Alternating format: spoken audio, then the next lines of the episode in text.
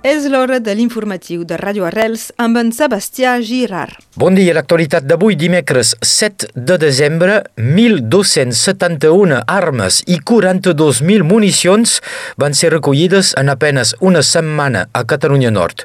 Molts propietaris van respondre a la crida dels serveis de l'Estat que proposen actualment de tornar sense cap paperam ni cap sanció les armes no declarades. En el detall, segons la prefectura dels Pirineus Orientals, els catalans del nord han tornat 938 carabines, 275 pistoles i 58 armes de foc i de defensa.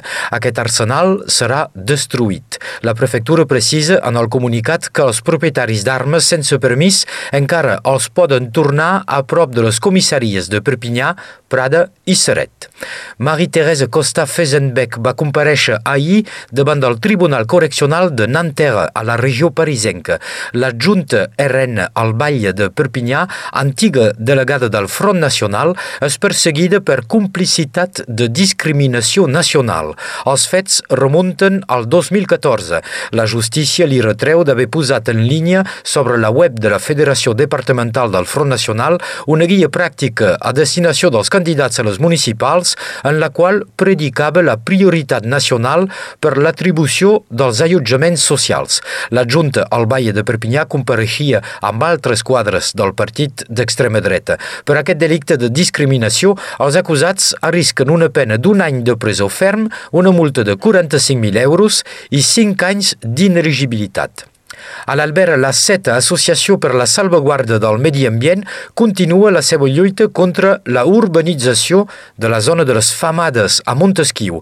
Proposen als ciutadans d'apadrinar un bocí de feixa i del batejar amb noms d'ocells. La iniciativa vol atreure l'atenció sobre les feixes i els canals de les Famades, una zona declarada d'interès per la preservació dels ocells i on el municipi de Montesquieu hi té projecte de construir cases. La cita és aquest diumenge a les 11 del matí al Fugar Rural de Montesquieu.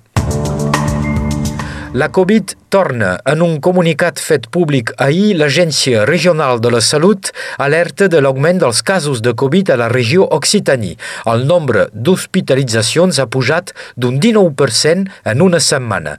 L'ARS recorda que tres virus circulen actualment, la Covid, la grip i la bronquiolitis, i demana als ciutadans de respectar els gestos barrera. L'Agència de la Salut també recorda la importància de vaccinar-se contra la grip. Una mesura per frenar la circulació dels avions. L'estat francès prohibeix els vols d'itineraris curts que tenen alternativa amb tren. La mesura s'emmarca en la llei sobre el canvi climàtic i ja té el vistiplau de la Comissió Europea. A partir d'ara, cap companyia pot fer les connexions entre l'aeroport de París-Orly i els de Bordeus, Nantes i Lió perquè el tren permet efectuar aquest trajecte en menys de dues hores i mitja. Això dit, la feblesa de la xarxa de trens a l'estat francès fa que la mesura tindrà poques repercussions sobre el tràfic aeri, ja que, per exemple, els avions de París cap a Perpinyà, Tolosa, Niça o Marsella seran mantinguts.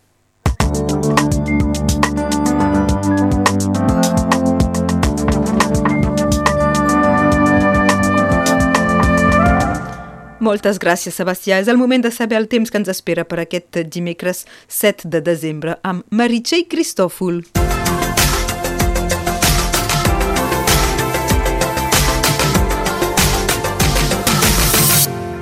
Bon dia. Avui tenim un cel gris i perdem en lluminositat. Poc canvia el nivell de les temperatures, a part que certs municipis perden uns quants graus, un dia més fresquet, doncs, les màximes no despassen 16 graus a Millars, 15 a Cases de Pena i a la Roca de l'Albera, 14 a Portvendres i a Prada, 11 a la Manera, 10 a Perpinyà, 5 a Ió i 4 graus a Esposuia.